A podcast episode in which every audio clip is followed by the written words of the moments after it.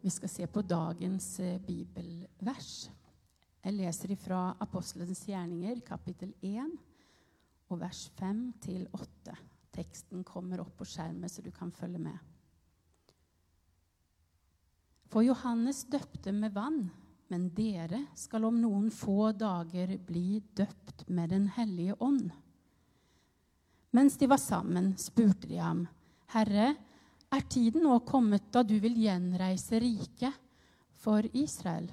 Han svarte, Det er ikke dere gitt å kjenne tider og stunder som far har fastsatt av sin egen makt. Men dere skal få kraft når Den hellige ånd kommer over dere, og dere skal være mine vitner i Jerusalem og hele Judea, i Samaria og helt til jordens ende.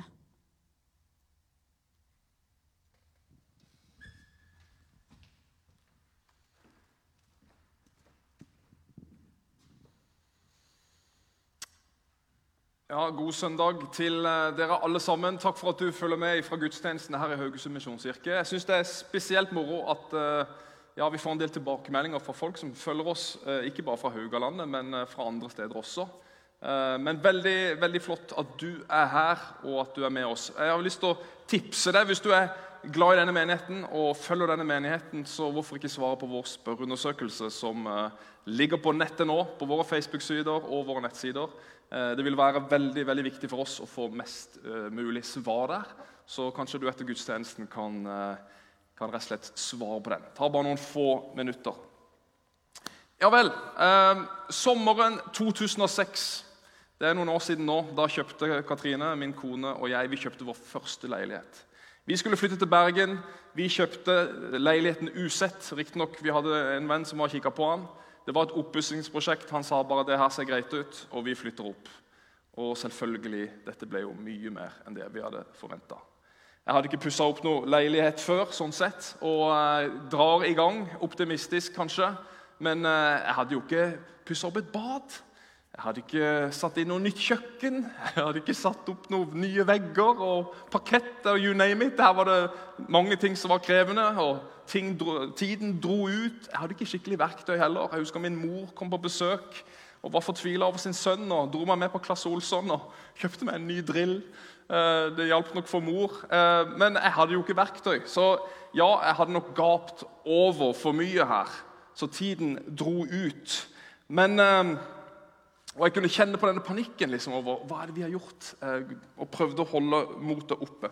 Men heldigvis så hadde vi gode venner i Bergen. Og de forsto jo ganske raskt da, at eh, Tybakken han trenger hjelp. Og ikke minst, de hadde godt med verktøy. Så min gode venn Ole Petter Livden han ble den store redningen i denne perioden. Han kom inn som en redningsmann. Han kom inn med kunnskap, han kom inn med kraft og energi og ikke minst med skikkelig verktøy. Og jeg kunne kjenne på lettelsen av å få denne hjelpen inn i dette arbeidet. Og det gikk så mye bedre når han kom inn og hjalp. Ja, vi skal snakke om kraft. Vi skal snakke om kraft i dag. For mange av oss vi står litt i den sånn samme situasjonen, hvis vi kan si det sånn. Vi står med arbeidshanskene på, og vi skal leve dette her kristne livet.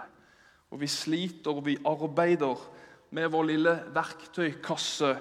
Eh, og det blir mye i egen kraft, og det blir kanskje lite effektivt.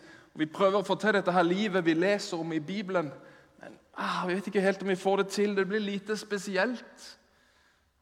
Vi sier jo at vi har Gud på laget. Han er med oss, men hvor blir det av det overnaturlige? Hvor blir det av det spesielle? Hvor, altså, det burde jo vært litt annerledes. Ja, jeg mener Vi kan være rike på ord i menigheter. ikke sant? Vi kan snakke mye, vi kan være, ha masse aktivitet, vi kan ha masse flotte strategier. Men hvor blir det av kraften? Skal ikke mennesker som kommer i kontakt med oss, skal ikke de kanskje møte noe som er litt større enn oss sjøl? Jo, vi håper vel, vi tror vel det. Finnes det noe mer? Finnes det mer kraft enn det vi erfarer? Eller har vi kraft? Eller må vi bare gå på egen kraft. Kanskje tenker du «Åh, så spennende, Fredrik, fortell mer. Eller kanskje du tenker 'Å, dette er forvirrende. Eller kanskje du tenker «Åh, dette blir bare provoserende. Men det fins mer kraft Det er det som jeg har lyst til å snakke om i dag. Og Vi skal være i Apostlenes gjerninger i noen uker fremover nå. Og Det er en fantastisk spennende bok i Det nye testamentet som forteller om de første kristne. Etter at Jesus dro hjem og Den hellige ånd kom, som det står om i kapittel 1 og 2, og som vi skal fokusere på i dag og neste gang. Denne ånden, denne kraften som Jesus hadde snakka om til disiplene, og som kom på pinsedag. Han, han, sa jo 'Jeg skal ikke la deg bli igjen som foreldreløse barn. Jeg går bort, men jeg kommer til dere.' Og så underviser han dem om denne ånden, denne veilederen, denne kraften som skal komme over disiplene. Og Nå leste Lina for oss fra Apostlenes gjerninger kapittel 1. og Der står det og Jesus sier til dem som Johannes døpte ja, Som Johannes døpte, hva, hva, betyr det? Jo, det ordet der det betyr bapto på gresk. Det betyr dyppet. Ja, Som Johannes dyppet, så skal dere bli baptizo på gresk. Dere skal bli neddykket, dere skal bli overøst av Den hellige ånd. Det mangler egentlig litt sånn gode ord på norsk her, men en gresk poet på Jesu tid han bruker de samme ordene bapto og baptizo i en oppskrift på sylteagurker. faktisk. Jeg vet ikke om du er glad i sylteagurker, men jeg er veldig glad i det. Men hør nå, oppskriften som sier det, Han sier det at sylteagurken, eller agurken, den skulle bapto, den skulle dyppes først i kokende vann, altså en midlertidig tilstand, opp igjen. Men så skulle agurken baptizo. Den skulle den skulle neddykkes i eddik. Og Det var ikke en midlertidig tilstand, for der skulle agurken bli liggende. ikke sant? Overøst i eddik for å skape en varig endring. Fra agurk til sylta agurk. Baptizo. Neddykket. Overøst av Den hellige ånd. Ikke eddik, altså, men Den hellige ånd. Det er vi. Om du liker det eller ikke så kan vi døpes og er døpt i Den hellige ånd. Og Jesus sier altså at dere skal få kraft når Den hellige ånd kommer over dere. Og Ordet 'kraft' der i, i, eh, i setningen, det er dynamis. Dynamis på gresk. Og det er det samme ordet vi får dynamitt ifra. Ja, det sier jo litt, da. Dynamitt, faktisk. Vi skal få dynamitt over oss med Den hellige ånd. Så kan vi lese i Apostles gjerninger om den drastiske endringen som skjedde i disse menn og kvinners liv. Noen enkle, fattige fiskere som ikke hadde annet enn fiskekrokere sitt verktøyskrin. Men de forandra en hel verden. Er det ikke utrolig? Det er klart at Dette klarte de jo ikke i sin egen kraft, men Den hellige ånd kom over dem. For en kraft! Men la oss være ærlige, da. For her, det, det, oppstår fort noen kollisjoner her. I hvert fall hvis du har vært kristen noen år. Ja, dessverre, vil jeg si. Det er litt sånn kollisjonenes tema, dette med Den hellige ånd. Og Den første kollisjonen som gjerne kommer, det er jo spørsmålet ja, men er, skal vi si, er jeg døpt i Den hellige ånd. Jeg vet ikke, jeg, jeg har ikke noe erfaring, osv. Her er det jo en hel del forvirring, og det er litt ulik teologi som er ute og går. Noen vil kalle denne åndsdåpen eh, Noen vil skille den fra det å bli en kristen. Altså Det er en egen erfaring du må søke, i tillegg til å bli frelst. Før i tida så het det 'the second blessing'. Den første blessing var å bli frelst. The second blessing var når Den hellige ånd kom over deg. Og Noen vil til og med si at eh, det er kun de som, som er åndsdøpt, som taler i tunger, som er dette her åndsspråket som noen kristne får. Problemet er at det er jo ikke alle som gjør det. Og Da ender vi opp med en sånn førsterangskristne, kristne, andrerangs kristne. Og Det blir en del spenning og ubehag. Ah, Den hellige ånd. Uff. Er jeg døpt i Den hellige ånd? Er du døpt i Den hellige ånd? Hmm. Ja. Du vil kanskje være uenig med meg, men jeg tror at uh, mange skriftsteder også bekrefter at om vi bekjenner at Jesus er Herre, om vi gir vårt liv til Han, ja vel, så får vi Den hellige ånd. Da er vi døpt i Den hellige ånd. Ja, Troen vi har, det er jo en gave fra Gud. Bibelen sier at Du kan ikke bekjenne at Jesus er Herre, eller si at du, du tror på Han uten at det er Den hellige ånd som gir deg den gaven å tro. Så la det være klart, om du er usikker, tenker jeg da, om du er døpt i Den hellige ånd, så tror jeg i hvert fall at eh, vi trenger ikke søke en erfaring nødvendigvis. Vi må se litt større på det. Du har Den hellige ånd hvis du tror på Jesus. Men likevel, da så må jeg bare erkjenne i hvert fall jeg, at jeg ser at andre har mer kraft enn jeg har. Andre har mer kraft. Ja, jeg kjenner mennesker som er mer overgitt og hengitt til Den hellige ånd enn hva jeg er. Og de erfarer mer av Den hellige ånds kraft i sitt liv. De ser, vil jeg tro, mer av Gud i hverdagen enn hva jeg gjør. Det er en kjensgjerning. Sånn er det. Ja, Jeg kjenner jo ikke denne personen, men du, kanskje, du kjente kanskje Einar Lundby. Han eh, var jo en av disse som, som gründa og starta Modum Bad. I sin tid lege osv. Han ble kristen i moden alder, sies det. Men han opplevde en del fantastiske ting eh, med Den hellige ånd. Han kunne få sånne inn, små innskytelser i hverdagen sin. Eh, som den dagen en, en mørk novemberkveld han fikk en innskytelse om at han skulle gå ut i, i mørke skogen og så skulle han synge en, en salme. Han følte seg jo tåpelig, men han sa til Gud at du pleier jo å ha rett, så jeg får bare gjøre det. Så ut i skogen gikk han, og han synger Velt alle dine veier og all din hjertes sorg for ham som har i eie den hele himmelens borg. Så fortsatte han på den flotte salmen alene i tjukke skogen. Det ikke han visste, da, var at uh, i skogen der et sted der, Det ikke han så, det var at det var en mann som var i, i ferd med å henge seg i skogen der. Som da får høre denne sangen, og to uker seinere banker det på døren til, til, Einar. Og han får en takk av denne mannen, som da valgte å ikke gjøre det likevel. Og Han tok imot Jesus. Det er jo en solskinnshistorie. Fantastisk hvordan det er mulig. Jeg kjenner mange andre. Jeg kjenner pastor Elisabeth, som får en innskytelse om å, om å, be for et par som sliter med å få barn. Hun kjenner bare at 'jeg må gå og be for dem'. Hun ber for paret, og i, i dag så er de gravide. Altså det er, det er, egentlig ikke sånne store ting, men det er sånne innskytelser. Og du tenker 'OK, Gud, jeg gjør det. Jeg er lydig. Jeg, hvis du sier det, så skal jeg gjøre det'. Jeg har bedt Elisabeth holde seg langt unna Katrine, for vi har mange nok barn. Så det, det er bare å si ifra. Men Sånn er det. Historiene er mange, og de er forskjellige. Vi har ulike gaver, men ånden er den samme. Men jeg sier dette her fordi jeg, jeg har så tro på at det fins mer kraft. Det er så mye mer å gå på, folkens. Vi kan få erfare så mye mer. Mange av oss står med disse arbeidshanskene. Vi står uten kunnskap, vi står uten de rette verktøyene til hva vi skal gjøre. Vi trenger ikke søke nødvendigvis en ny dåpserfaring, men å bli kjent med og slippe til åndens kraft i våre liv. Akkurat sånn som Ingrid Sofie anbefaler oss om å søke ånden, ikke være redd. Akkurat som Paulus også sa, lev et liv i ånden. Lev i ånden.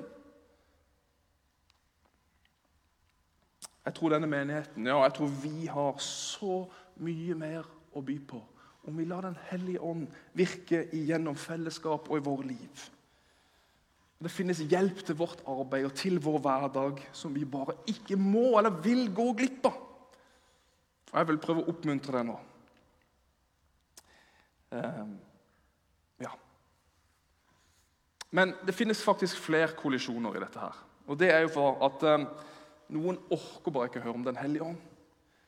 Fordi de har dårlige opplevelser med sånne karismatiske uttrykk. Litt sånn som Ingrid Sofie også nevnte, at liksom, det er så voldsomt. Masse følelsesmessige uttrykk her. Det blir et galehus og så mye. Og jeg har sett mye galskap i menigheter. Ja, overfokusering. Jeg vil kalle det overfokusering på åndens uttrykk. Det kan skape ubehag og utrygghet. Og Frykten for dette gjør at veldig mange de velger å bare ikke forholde seg til Den hellige ånd. Så de stenger ned. Heldigvis er det jo noen som sier nei, de er veldig åpne, de er ikke redde. No, det er ingenting som kolliderer. Så det er for mange av de også. Så felles for alle må vel være ikke vær redd. Uansett hva du måtte tenke om Den hellige ånd, så er det ikke overfokusering som er problemet vårt. Men det er jo snarere tvert imot underfokusering. Vår mangel av fokus på hvem han er, hans funksjon og kraft. Jeg sier han fordi Den hellige ånd er jo en person. Det er ikke den eller det, men det er han. Han. Han er like mye en del av treenigheten som vi tror på. Faderen, Sønnen og Den hellige ånd. Den hellige ånd er like fullt en person. Han er Gud som bringer liv og kraft inn i våre liv. Ja, han er parakletos på gresk. Ja, han er vår veileder. Han er vår hjelper. Og hvem vil ikke ha hjelp? Vil ikke du ha hjelp? Vil ikke du ha kraft? Selvfølgelig vil vi det. Hvor mye bedre er ikke det? Men siden han er en person, så har han jo også følelser. Det tenker vi kanskje ikke så mye over, men Bibelen snakker om at det går an å såre Den hellige ånd. Ja, jeg leser i Efesene 4 hvordan vår, våre harde ord, hissighet og sinne ikke bare kan ramme mennesker, men også Guds ånd. Fordi han er en person. Han betegnes også som en due, som Ingrid Sofie var inne på. Som en due som kommer over Jesus når han blir døpt. Jeg vet ikke om det hjelper i denne sammenheng, men det kan være nærliggende. Også i sammenheng med disse ordene som påvirker, så kan det være nærliggende å tro at vi må være vare for Den hellige ånd. Og vise en viss grad av ære og respekt. Vi må ikke trosse eller hindre eller overse Ånden på grunnlag av skepsis eller uvitenhet. Vet du og de har en tendens til å være ganske vare og fly av gårde med en gang de ser øye på det. Og Da snakker jeg ikke om de feite duene i byparken, men jeg snakker om turtelduene eller ringduene i skogen som er fort vekk når vi kommer. Ånden kan være var. Og du vet jo hvordan det er. Skal vi, komme, skal vi komme nær et menneske, nær en person, så må vi vise ære, respekt og ydmykhet. Skal jeg få en god relasjon med Katrine, min kone, så, så, må jeg, så, må jeg, møte hennes behov også. Jeg må tenke hva er det hun trenger. Jeg må gi henne oppmerksomhet. Jeg er ikke spesielt god på det da. Men skal vi få et godt forhold, så må jeg faktisk tenke og ha fokus på Katrine. Være oppmerksom på hva hun vil. Og Gjør jeg ikke det, ja, da mister jeg jo mye. da. Det blir, det blir mindre kraft i det ekteskapet. Det blir mindre enhet. Vi er fortsatt gift, men får ikke, jeg får ikke ut den kraften og den gleden og den enheten i det, i det ekteskapet eller det parforholdet. Ånden er også en person. Så det å leve nær Ånden, da, å leve i Ånden eller søke Ånden, det må vi jo gjøre da med vårt fokus og med vår bevissthet. Hvis ikke så går vi glipp av mye. Det er poenget mitt. Det gir i hvert fall meg mening å tenke sånn. Så får du gjøre, det, gjøre din egen mening. Det er masse vi kunne sagt om Den hellige ånd. Per Ivar Aase han skal forkynne neste søndag og ta oss med videre i, i Apostelens gjerninger og ånden. Men jeg vil bare gi deg fire korte punkter på hva denne kraften, hva kraft er det han gir oss. Og da vil jeg si at Det første punktet, Den hellige ånd, det han gir oss, det han gir oss kraft til å dele troen med andre. Ja, den hellige ånd skal komme over dere, og dere skal være mine vitner. Det er det første som skjer i apostelens gjerninger der. Så Dermed så er ikke Den hellige ånd nødvendigvis gitt oss for herlige, karismatiske møter der ting bare wow, det skjer så mye fantastisk. Er gjerne først og fremst gitt oss for å gi oss kraft til å dele troen videre. Men her kommer det en kollisjon igjen, for hvem er det som vitner om Jesus i dag? Puh. Ja, Den er litt tøff. Må vi det? Må jeg dele troen min? Nei, du kan gjerne la være, men er det noe Den hellige ånd elsker å gjøre, og som han har gitt deg å gjøre, og meg å gjøre, så er det jo å, å gi meg kraft gjennom mine ord og mine handlinger. Formidle, forkynne hva Jesus har gjort i mitt liv. Og jeg er like feig som de fleste av oss andre jeg har hatt mange muligheter til å be for mennesker eller fortelle om Jesus til mennesker. Men av en eller annen grunn så sitter det så veldig fast. Det er så vanskelig. Hm. Likevel så har jeg perioder absolutt prøvd å være modig, lydig og gripe muligheter. Og jeg kan love deg, du verden så spennende livet er. Du verden så spennende livet er der jeg våger å kanskje gå inn i noe av det ubehaget for å dele noe av det som jeg virkelig tror på, og som jeg satser mitt liv på. Det har skapt noen fantastiske, meningsfylte øyeblikk.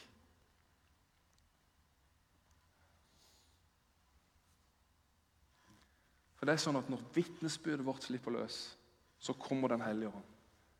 Det er det han sier. Det står til og med i Bibelen at eh, disiplene skulle ikke være redde, for Den hellige ånd skulle gi dem ord. De skulle ikke være redde for de ikke, de, hva de skulle si osv. Overfor myndigheter når de ble fengsla. Den hellige ånd skulle gi de ordene. Tenk at, Wow, for en kraft, for en veileder, for en støtte er ikke det.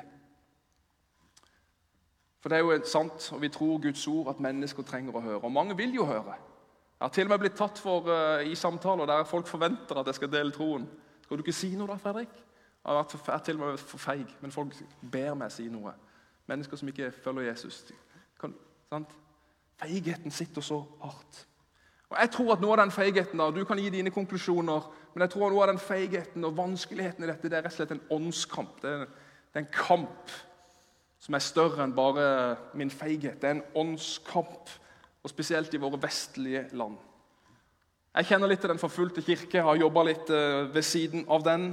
Og Den forfulgte kirke det kjennetegnes jo ved at de prøver å stoppes ved trusler og vold og bråk. Masse forfølgelse der ute i verden. Og hva er, og hva er kjennetegnet på Den forfulgte kirke? Det er jo at de ikke tier.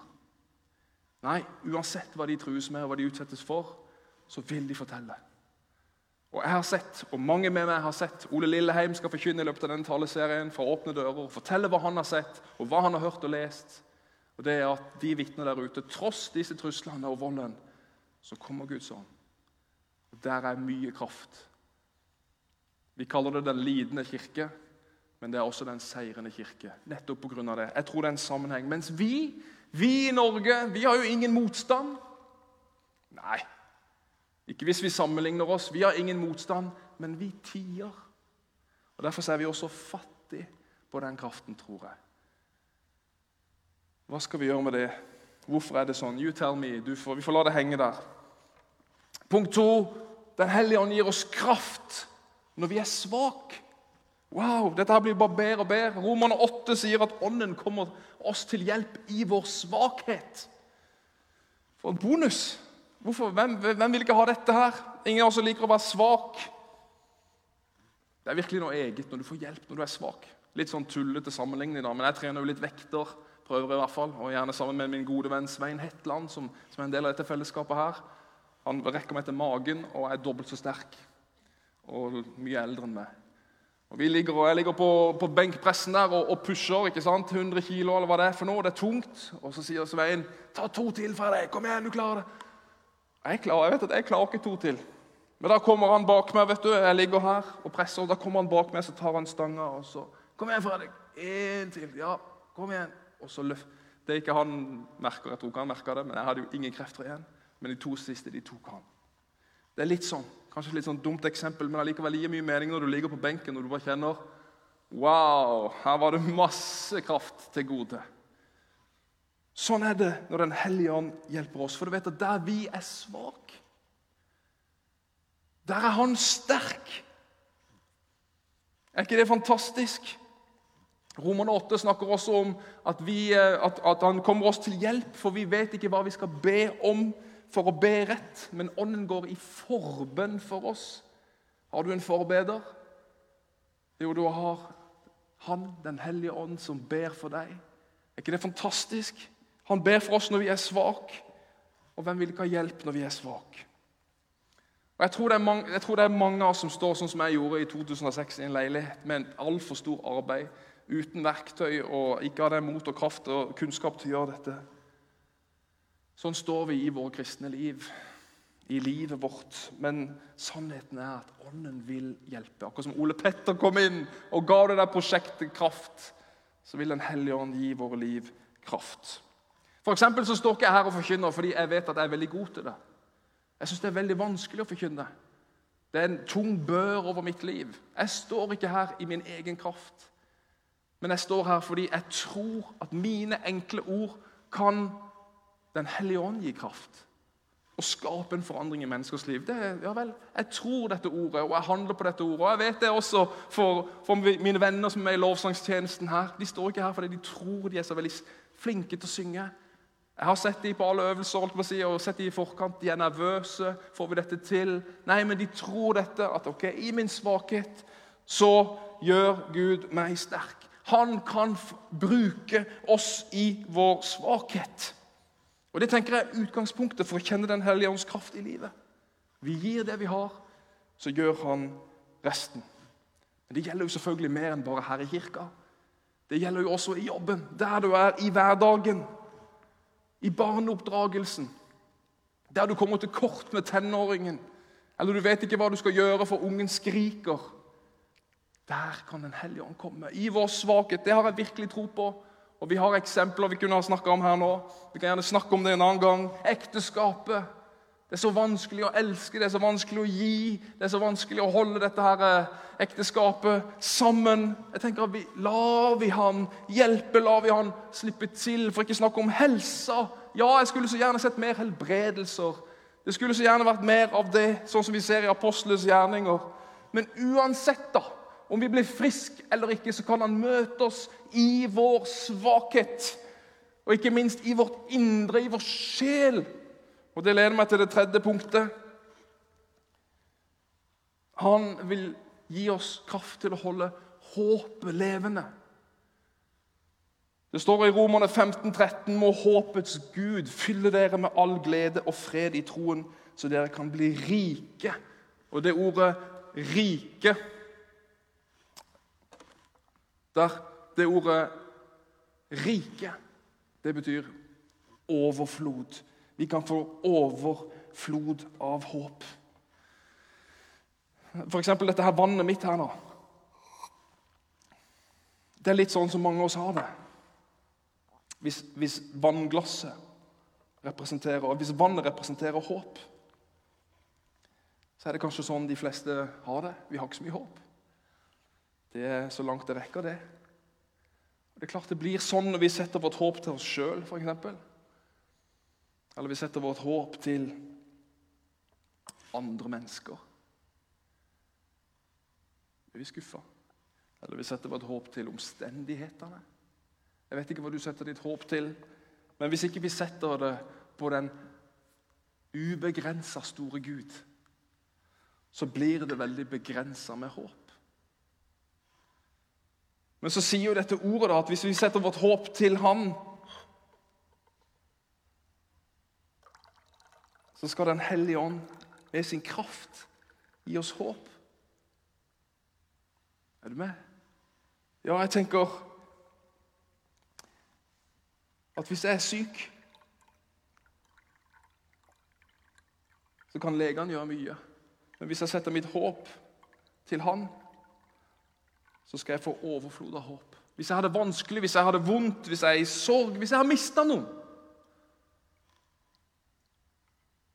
Hvis jeg setter mitt håp til Han, så skal jeg få overflod. Rikelig med håp. Tror du det ordet? Vi skal ikke være fattige på håp. Den hellige ånd er gitt oss for at vi skal ha overflod av håp. Det er kraft. Det er kraft, folkens. Hvis vi setter vårt håp til noe annet, så blir vårt håp veldig begrensa. Det tror jeg er sant. Jeg tror det er bibelordet. Jeg håper du også gjør det. Til slutt Den hellige ånd har gitt oss, han gir oss kraft til å kjenne dybdene i Gud. Og Det er en hel taleserie, bare det. Det kommer nok noe mer videre om det neste søndag. Men min opplevelse, og når jeg ser rundt meg, så er min opplevelse at det å være kristen det er, det er blitt så traust og kjedelig. Det er på en måte blitt litt sånn fattig i erfaring og i liv og i kraft. Ja, jo, jeg er kristen, jeg er døpt, check. Jeg er konfirmert, check. Ja, jeg, jeg går i kirka på noen gudstjenester, check. Jeg går kanskje i en husgruppe, check. Jeg leser litt i Bibelen, check. Jeg ber litt av og til, check. Ja, jeg prøver å være en god person. Så lever vi som alle andre, men det er lite kraft. Ja, det er mye av meg sjøl, mitt eget strev og arbeid, men det er lite kraft. Det er lite seier. Vi sliter med de samme tingene som alle andre. Ja, vi er jo bare mennesker som alle andre, men dere skal få kraft når Den hellige ånd kommer over dere. Det skal være en forskjell, for vi og Gud, Den hellige ånd, han gir oss kraft til å kjenne dybdene i Gud. Og Paulus han ber dette er siste bibelordet, men Paulus han ber for eh, menigheten i Efesus. Jeg ber mot vår Herre Jesu Kristi Gud, herlighetens Far, må la dere få en ånd som gir visdom og åpenbaring, så dere lærer Gud å kjenne. Ja, må Han gi dere lyst til hjertes lys til hjertes øyne, så dere kan få innsikt i det håp Han har kalt dere til, hvor rik og herlig Hans arv er for de hellige, og hvor overveldende Hans kraft er hos oss som tror. Skjønner du? Det er så mye mer. Det fins mer. Ånden har gitt oss alt vi trenger. Det fins mer enn å bare være et godt menneske. Det finnes mer enn å bare gå på møter. Livet med Den hellige ånd. Kristenlivet i Den hellige ånds kraft. Det kan være så mye mer spennende. Og Som pastor så må jeg være den første til å innrømme at jeg, jeg kjenner meg ikke spesielt rik på dette. Jeg vil være den første til å si at dette må vi bli rikere på. Dette må vi erfare mer av. Hva kan vi gjøre? Hva kan jeg gjøre for å erfare mer av det? Og hva kan vi gjøre som menighet for at når mennesker kommer inn her, så møter de ikke bare oss, men de møter Han. Og det er Han som gjør den store forskjellen. Det er ikke vårt strev. Skjønner du? Dette må vi ha mer av. La oss bli kjent med vår veileder, Den hellige ånd så vi kan få se denne kraften. Herre Jesus, takk for at det finnes mer, Herre. Vi trenger denne, å erfare denne himmelen over vårt liv. Du har sendt din ånd. Og så ser du Herre, hvordan vi kan streve Herre, i vår egen kraft. Vi forstår ikke. Kanskje vi er såra, kanskje vi er brent, kanskje vi, vi føler vi ikke får det til. Herre, vi er på kollisjonskurs på så mange steder i dette temaet her. Men nå vil jeg be for oss, Herre. Be for den som er hjemme, som kjenner at det, jeg kjenner seg fattig i dette. Herre, må du løfte, som Paulus ber, Herre, må du løfte vårt blikk, Herre. Åpne våre hjertes øyne, så vi kan se, så vi kan forstå, Herre. Så vi kan lære hvordan vi kan få leve et liv med Den hellige ånd. I Jesu navn. Kom til oss, Hellige Ånd, der vi er. La dette bli sant for oss. La dette bli rikt. La det være vitnesbyrd, Herre. Som Ingrid Sofie og fra alle generasjoner, Herre, om at du er en levende Gud. I Jesu navn vi ber. Amen.